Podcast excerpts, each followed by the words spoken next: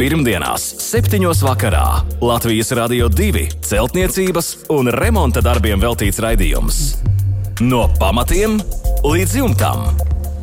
Ar padomiem un atbildēm uz klausītāju jautājumiem Latvijas Rādio 2 studijā - tehnisko zinātņu doktors, būveksperts Juris Biršs. Sveicināti pirmdienas vakarā. Šodien jau 22. februāris, 19,5 minūtes. Studijā Inese un kā alažas jūsu jautājumiem ir gatavs atbildēt un vērtīgus padomus sniegt tehnisko zinātņu doktors, būveksperts Juris Biršs. Labvakar, Birškungs! Labvakar! Gara diena, bet tomēr esam darbam gatavi un gārnā mundri. Laikam pavasars mūs spārno. nu, es domāju, ka tas, tas ir vienīgais, kas mums uztur. Glābiņš, Glāb, ja? Jā, jo klausītāju vēstules arī šovakar ir krietni daudz. Un sāksim ar Egilu jautājumiem. Viņam ir vairāki gan šie jautājumi, bet visi par siltuma zudumiem. Un pirmais ir, kā noteikt siltuma zudumu vietas privātmājām?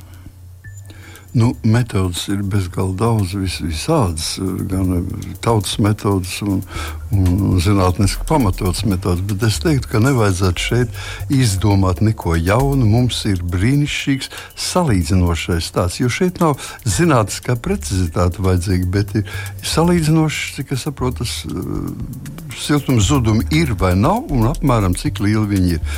Pie šādiem no, nolūkiem lieliski der termogrāfija.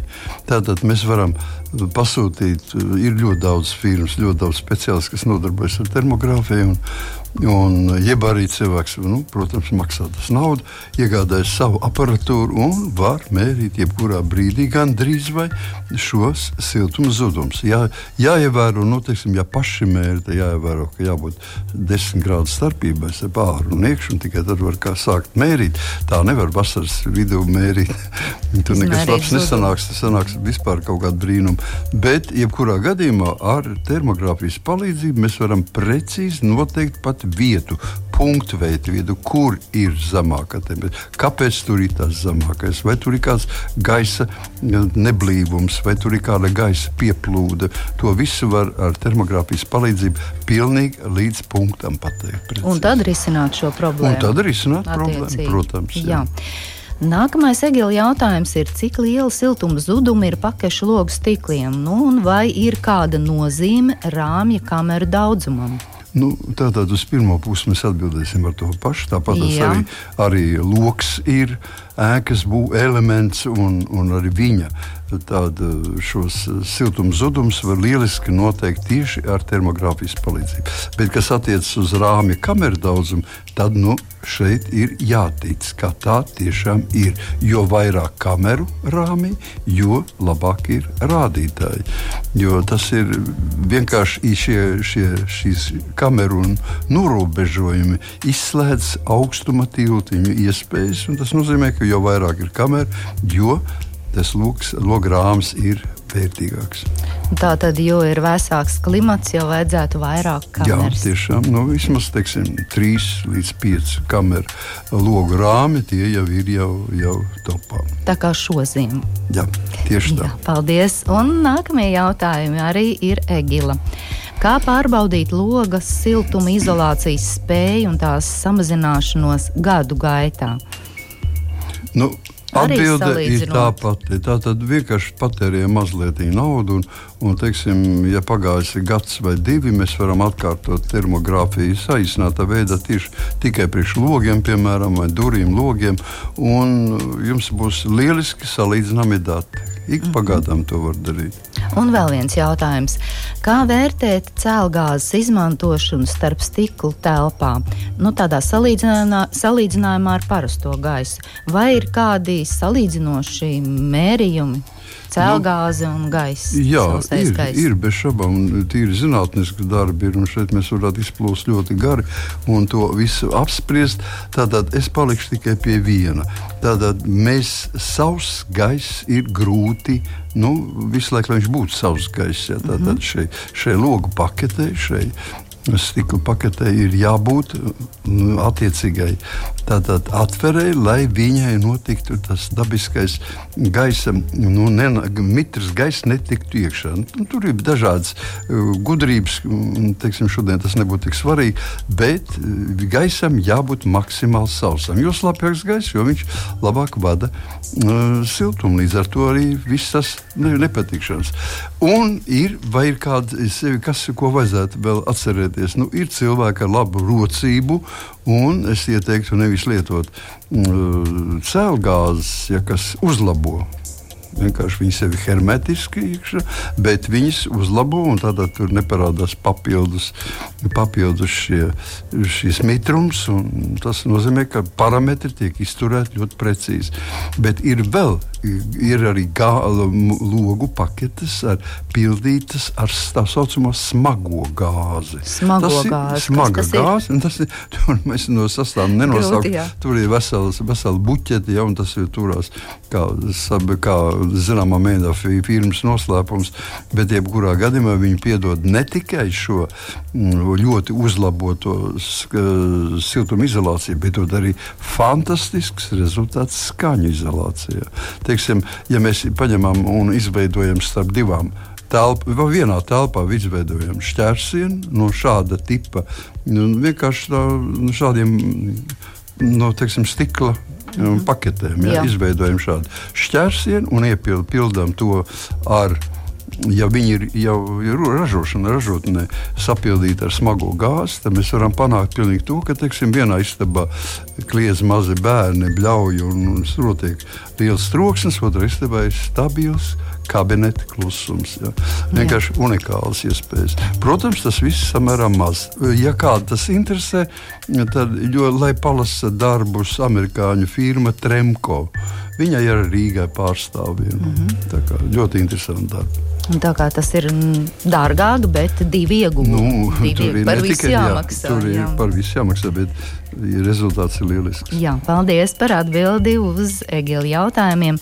Nākamais jautājums mums ir par pirts ierīkošanu saimniecības ēkā, un to ir atsūtījis Kristaps.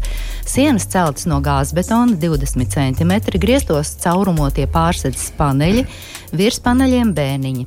No iekšpuses sienas ir apmestas, griezti ir panelis, kā jau minējām. Ēkas sienas un griestus vasarā ir paredzēts siltināt no ārpuses. Vai lāvas telpu vajag siltināt no iekšpuses un kā siltināt no ārpuses? dēļu apdare būs saimniecības ēkai. Nu, kā saka, ir, ir mazliet jau, jau auzās, jau pašreiz ir mazliet. Jau, nu, jo, tad teiksim, labosim. jā, nu, redziet, nu, saimniecības sēkā tas ir labi, bet ja saimniecības sēkā grib veidot pirti, tad ir, tā, tā ir problēma. Ja? Jo pirts tā, ja, tas ir mitrums, tas ir nepārtraukts mitrums, kas laužās uz āru. Un, tas prasa attiecīgas konstrukcijas. Gāzbetons lūk, ir pilnīgi materiāls, ko jāsargā kā atceru auga no mitruma. Viņš savāks to mitrumu, vai jūs gribat vai negribat. Bet tāpēc līdz ar to tā ir problēma. Un tas nozīmē, ka šī gāzbetona siena, pie kuras būs uzbūvēta šī lāvas telpa, tad viņa ir jāsiltina arī no iekšpuses. Pēc tam visa šo, šī telpa ir. Tad, tā būs tāda atsevišķa telpa, kas pieiet pie ārsienas. Ja? Jā. Un tad šī ārsienas telpa ir siltināta no iekšpuses vismaz ar desmit centimetru minerāls vatas, akmens vata, stikla vata, un pēc tam viņi visi ir iztapsēti ar metāla foliju nežēlīgi, pilnīgi tikai ar metāla foliju un viss noklāta ar pārlaidumu vismaz 10-15 cm šūju vietās. Un tātad uh, praktiski neelpojoša telpa radīt. Šajā neelpojošā telpā lūk, var veidot nu, gaisa spraugu nu, vismaz minimums 5 cm, un šīs uh, veidot, veidot koka iekšpusi, to, nu, to telpas iekšējo dizainu, kāds nu, cilvēkiem, kāds Kristabam patiks. Ja. Mm -hmm. Un tad varētu cerēt, ka ja pie e, katru dienu cer, ka ir pirtī neies, un tad varētu viņš tā arī izturēt. Jo eh, šeit ir ļoti jāsargā gāzbetons, lai viņš nebūtu nepie, nepievilktos ar mitru. Tas pats attiecas uz griestiem. Betona paneļi un virs viņiem atrod, atradīsies arī siltumizolācija. Viņi ir jāpasargā no mitruma. Tā tad skaidrs, gāzbetons un betona paneļi pirtiņai nu, nav tie labākie būvmateriāli. Nu, viņi ir labi, bet labi, tikai bet... viņi prasa izolāciju, ļoti spēcīgu izolāciju.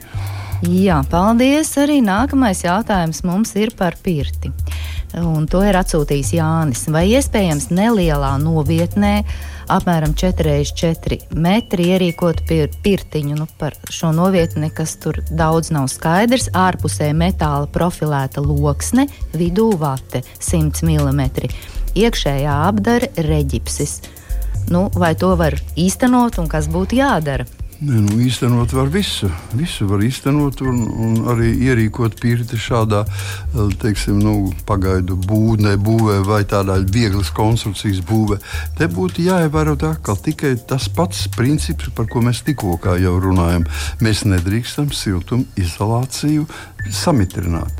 Un šajā gadījumā mums ir metāla plāksnes, siltumizolācija, un mēs nevaram uh, atstāt nekādā gadījumā šo rīģipsi. Rīģips var palikt tikai ar to norunu, ja pēc tam mēs iekšā šajā 4,4 metru pirtiņā izveidojam citu telpu. Ja? Tieši Kas, tāpat kā iepriekšējā jā, kā iepriekšējā, ja, bet tikai mēs izveidojam šo telpu ar 5 cm nost no šī rīģipša.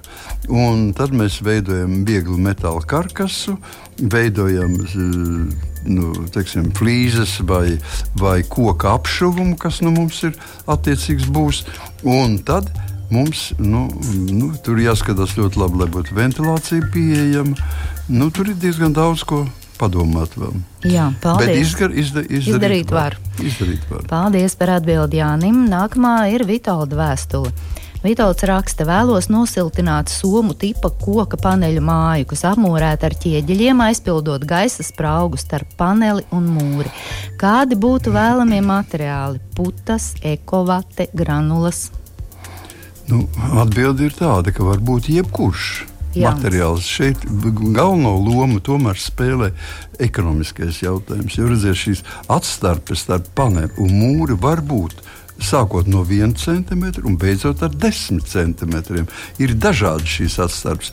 Nu, protams, kad mēs izvēlēsimies, ja ir plāna tāda starpība no centimetra līdz 3 cm, vislabākais materiāls, ko mēs šodien varam piedāvāt, ir Rigiper 035 vai uh, viņam ir arī citi nosaukumi. Tas ir tāds uzpūstas putu polistirola uh, lodītes melnā krāsā ļoti vieglas un, un tādā iepūšošas šajā starpā šādu materiālu, mēs iegūstam ideālu siltumizolāciju un praktiski pat ja siena vairāk nav jāsiltina. Mhm. Ja šīs sprauga ir vairāk kā 3, nu, teiksim, 3 līdz 5 cm, tad tas nav ekonomiski vairāk, jo tas ir materiāls, šis lodīts ir padārgas.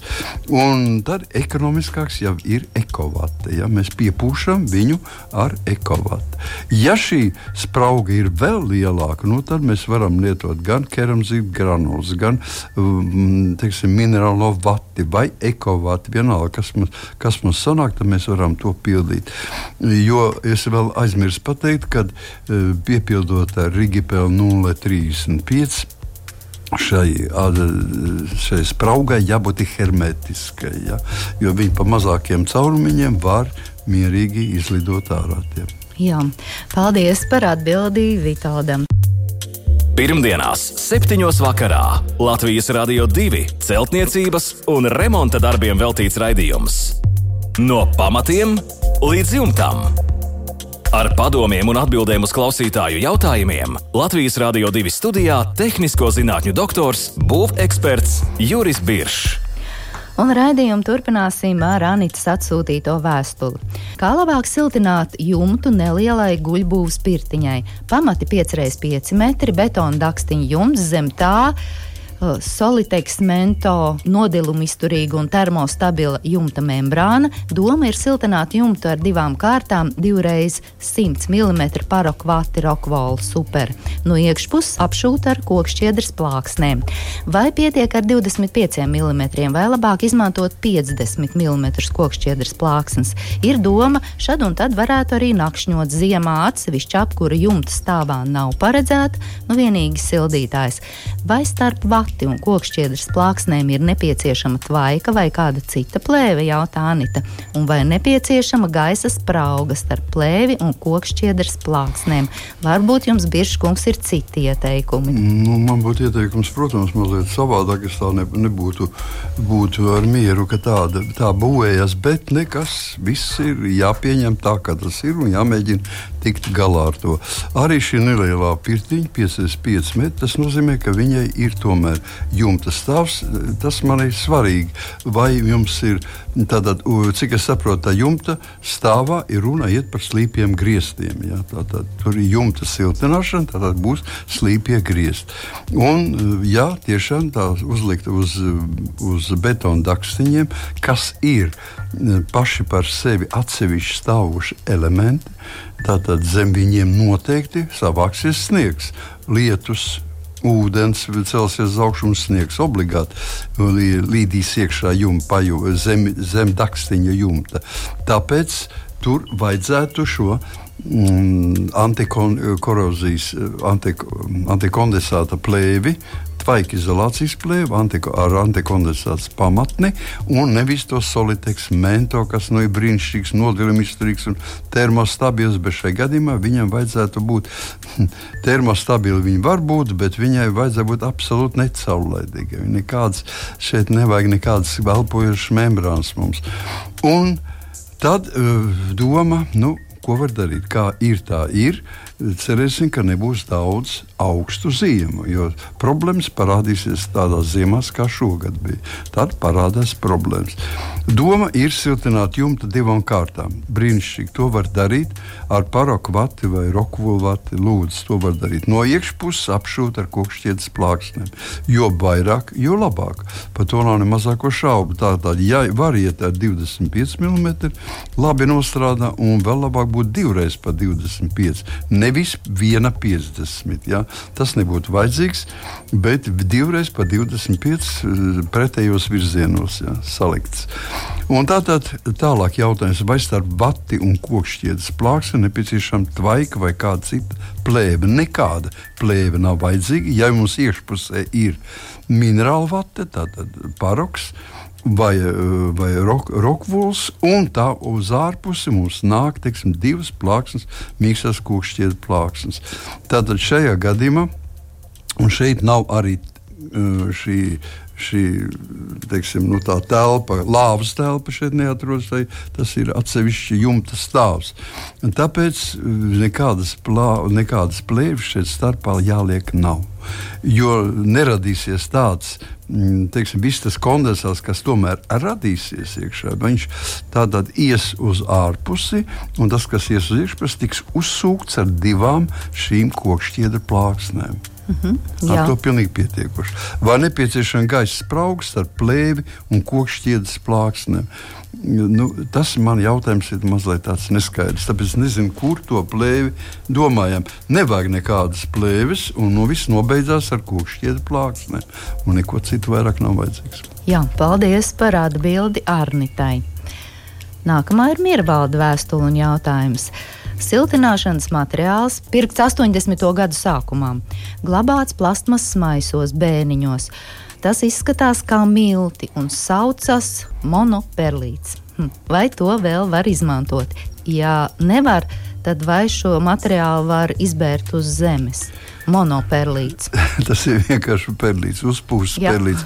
Uh, tajos gados, 80. gados, mums bija uh, Rīgā bija, bija speci, speci detaļas, speciāla tāda rūpnīca, un viņā notika arī, teiksim, ieved no Ukrainas šo perlīta mm, iezi, un, un uz jā, viņu ļoti spēcīgi sakarstējot, viņš uzpūtās. Un veidojās šīs perlītes pelītas smiltis. Viņas tiešām pildīja polietilēnu maisos, un tos maisus, kā maisus kārtīgi salika un ar to izolēja. Tātad viss būtu labi, ja mēs tikai ne, ja mēs zinātu to, ka ja šo materiālu jāuzjāpiec ļoti uzmanīgi. Tad materiāls nedrīkst pa, parādīties gaisā. Viņš nedrīkst, jo tas ir ļoti smalkas stikla stikls. Ah, Perlīts ir stikls. Ja jūs ieelposiet perlīta putekļus, tas ir tikpat kā sa, samaļam mal, smil, to stiklu un elpojam stikla Nu, putekļus. tad uz zemes bērtu nu, ne, gan nevajadzētu. nekādā gadījumā. Tas ir aizliegts ar likumu, un tas ir jādara. Tātad princips, ja ir vesels maiss, un viņi var tātad vēlreiz ielikt kādā maisā, lai tikai Dievs dod, nebūtu nekādas iespējas kādam kaut ko saplīst. Tad viņu parasti, ja reiz ir kaut kāda būve siltināta ar šo materiālu, tad viņu neaiztiek, lai tur nedod Dievs kaut kas nebeidotos. Ja viņi ir smuki salikti bēniņos un viņi ir veseli, tad viss ir kārtībā. Mēs varam ar viņiem arī siltināt. Bet Pareizāk tomēr būtu no viņiem atteikties un nodot viņus tur, kur teiksim, nodod arī asbestu šīferu, nodod un dažādās vietās, kur to pieņem. Iekšā. Nekādā gadījumā mēs nedrīkstam viņu guldīt eh, gruntī, vienkārši bedrēs izbērt, vēl trakāk vienkārši izkaisīt. Tas būtu būt, būt krimināls. Jā, paldies par atbildi Miervaldim. Andris raksta. Zem skrūvēta metāla dakstiņa ir trīsslāņu difūzijas membrāna. Un Andris ir sapratis, ka tas nav īsti pareizi un jautā, ko darīt. Vai jāņem jumts nost un jāliek kondensāta plēve, un kas var notikt, ja atstāj šo difūzijas membrānu.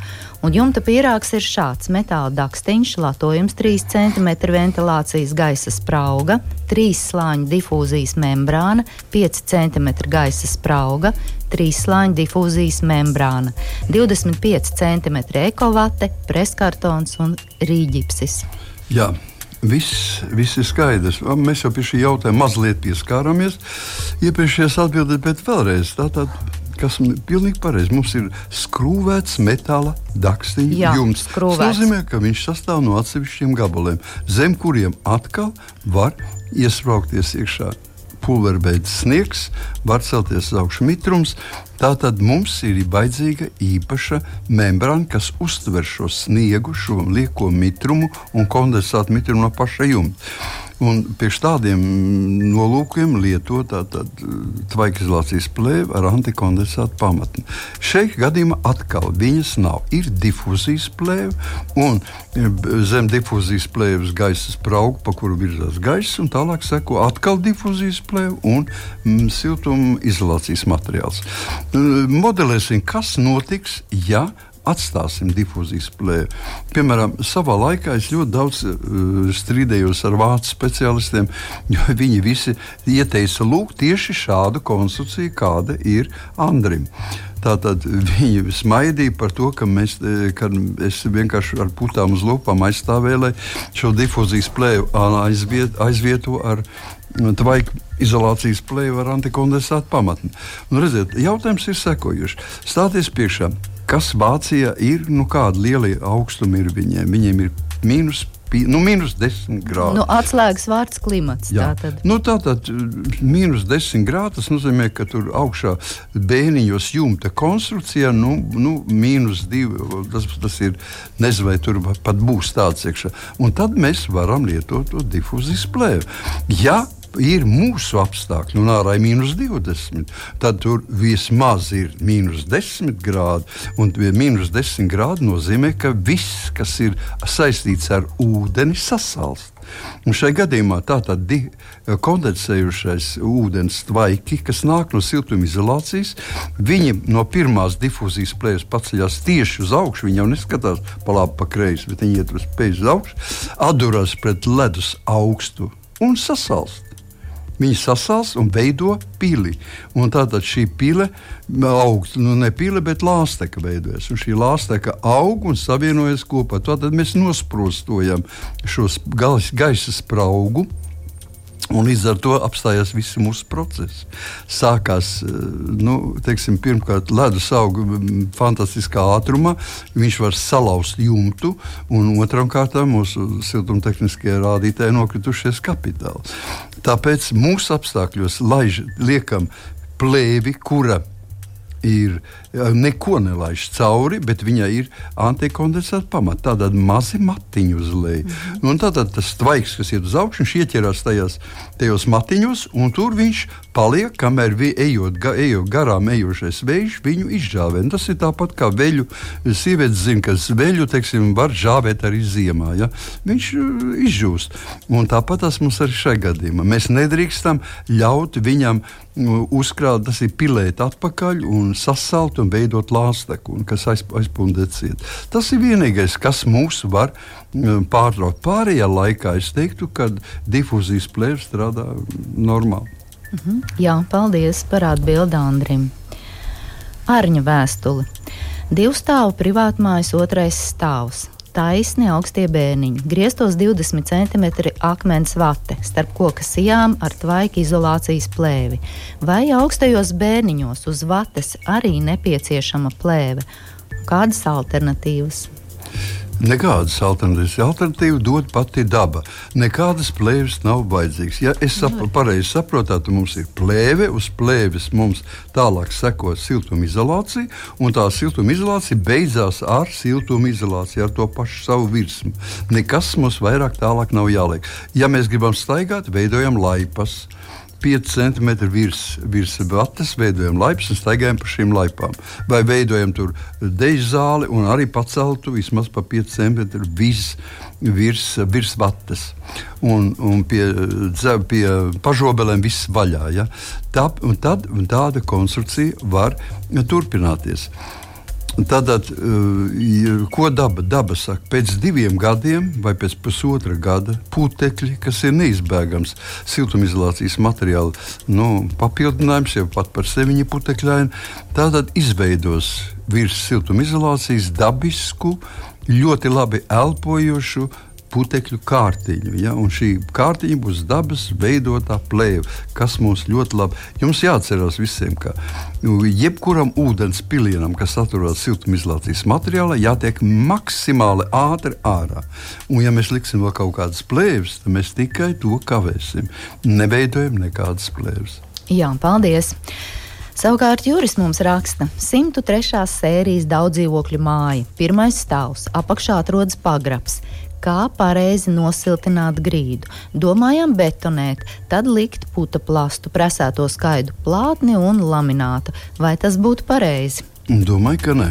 Pirmkārt, ja tā ir tiešām 100 sērijas, 103. Jā. Jā, 103. sērijas māja, tad mums jāsaprot, ka viņas uh, pirmā stāva grīdu veido pamatni, veido betona, mm, tas ir atvainojums dzelzbetona, saliekamā dzelzbetona paneļi. Ja? Tur nekas nav jābetonē. Tur ir panelis, doptais panelis. Un, un virs šī dotā paneļa mums ir jāveido siltumizolācija.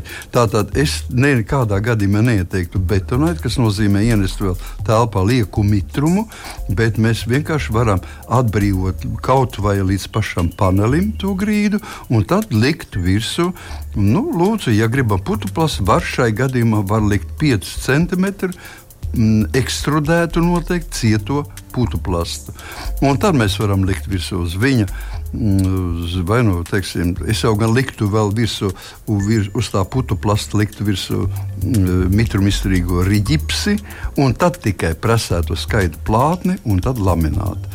Nu, tad viss, man liekas, būtu tā, kā vajag. Būs sausa māja un silta. Nekādā gadījumā papildus betonēt nevajag. Jā, paldies par atbildi Jurim. Armānda jautājums un Armānda vēstule. Ir zemes gabals viņam, un vēlmu uz šīs zemes gabalu uzbūvēt vieglu vasarnīcu, bet ir viens liels bet. Informācija pieejamā liecina, ka PSRS padomju savienības laikos 80. gados šajā vietā ir bijusi nelegāla vietējā kolhoza izgāstuve. Un tur ir izgāzti arī bīstami atkritumi, nu, piemēram, dienas gaismas spuldzes un citi, kuri satur dzīvesudrabu. Kā rīkoties? Vai pirms būvniecības nosegt, izolēt šo zemes gabalu, un cik bīstami ir dzīt spici, veikt dziļurbumu ūdens apgādes nodrošināšanai? Varbūt ir liederīgāk piesaistīt kādu speciālistu, nu, veikt grunts analīzes Nu, ko jūs ieteiktu šajā nu, gadījumā? Gadījums ir ļoti smags. Tiešām smags gadījums. Es teiktu, es nekad neiegādātos tādus gabalus un muktu no tāda gabala pēc iespējas tālāk. Bērnu un pašu veselībai ir, ir daudz kas, tas ir daudz svarīgāk. Jo, teiksim, dzīvesudrabs, tas ir, mēs nevaram viņu savākt un nevaram viņu atrast pat, bet viņš mūs var indēt mm, fantastiski vienkārši. Un tāpēc šeit ir, es teiktu, tā viss atkarīgs no tā lielā gabala, no tā laukuma. Vispareizākais risinājums būtu nu, Nu, te, man vispareizākais būtu atteikties no tā gabala. Bet, nu, ja to nevar darīt, tad teiksim, tur varētu būt sekojoši jautājumi. Mēs iegādājamies plēvi, tā saucamo pretrodona plēvi. Rodona gāze, tātad radioaktīvā gāze, ir, tiek, e, lai viņu aizkavētu, ir speciāls plēvis. Ar šo plēvi vajadzētu noklāt, nu, es teiktu, es noklātu visu to laukumu, cik tur nu, ir. Tāpēc, ka aiztikt viņu un rakt un kaut ko mainīt, tur pat neceļās roka, tur var tikai nelaimes atzīt. Un tādā noklājam ar šo pretradonu plēvi. Uz pretradonu plēves mēs uznesam virsū vismaz 30 cm kvarca smiltis Un tad uz šīs, šī teiksim, eh, jau radiācijas aizsargājuša un praktiski caur nekas nevar vairāk iziet, uz šīs, uz šīs sagataves mēs varam veidot teiksim, ēkas pamatus, kas ir plātņa veida pamati. Tikai plātņi, bez nekādiem pagrabiem, bez neko plātņa veida pamata. Un visai pārējai teritorijai varam tagad tikai nest virsū nu, teiksim, melnzemi. Nu, jā, Tas arī viss ir zem diezgan jautri, un arī pēc tam, tad, kad viss jau ir izsagatavots, praktiski grunts sagatavots, tad der teiksim, analīzes. Ja? kas rāda, vai tur ir vai nav. Dzīvesudarbs ir neparvelti. Mēs visiem lūdzam, nekur pat vienkārši termometru ne, nemest laukā, bet nodot viņu attiecīgi tur, kur to vajag var, var darīt. Jā, paldies par atbildi Armandam, un šodien raidījumu noslēdzam ar Agneses jautājumu. 1956. gadā celta koka ēka. 80. gados aplikta ar silikāta ķieģeļiem, vai siltinot no iekšpuses ar akmens vati ir jāliek plēve. Un Agnēs raksta, ka internetā par to ir pretrunīgi viedokļi. Jā, nu, tas ir vienmēr. Jūs vienmēr, teiksim, varat, jebkurā ko, kolektīvā, piemēram, var, var, vienmēr atradīsies kāds tāds cilvēks, teiksim, kuram ir savi viedokļi. Ja? Tātad šeit atbildi ļoti vienkārša. Latvijas būvnormatīvs 002 19 20. 25. punkts, kurš saka mums, kad ir jāliek šī plēve, ja mēs siltinām ar akmens vati, ja pareizāk sakot, ar minerālu vati, ja mēs siltinām no iekšpuses, tad plēvi obligāti jāliek siltajā pusē. Tātad siltinot ar akmens vati, siltinot ar stikla vati vai ar izdeču vati, mums plēvi jāliek obligāti. Tas ir likums, tur nav nekādi pretrunīgi viedokļi. Tas ir vienkārši neievērošana. Ja, ja neliks plēvi, tad ir likuma pārkāpums.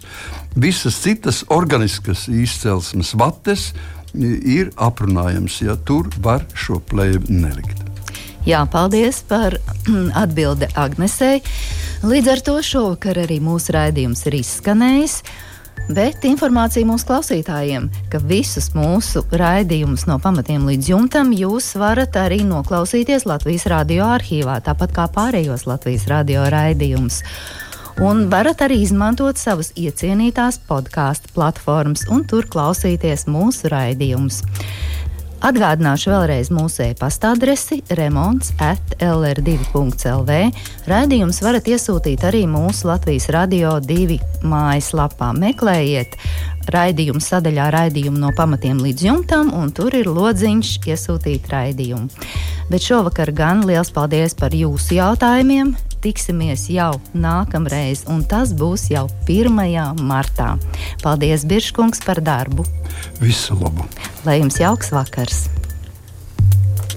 Pirmdienās, 7. vakarā Latvijas Rādio 2 celtniecības un remonta darbiem veltīts raidījums.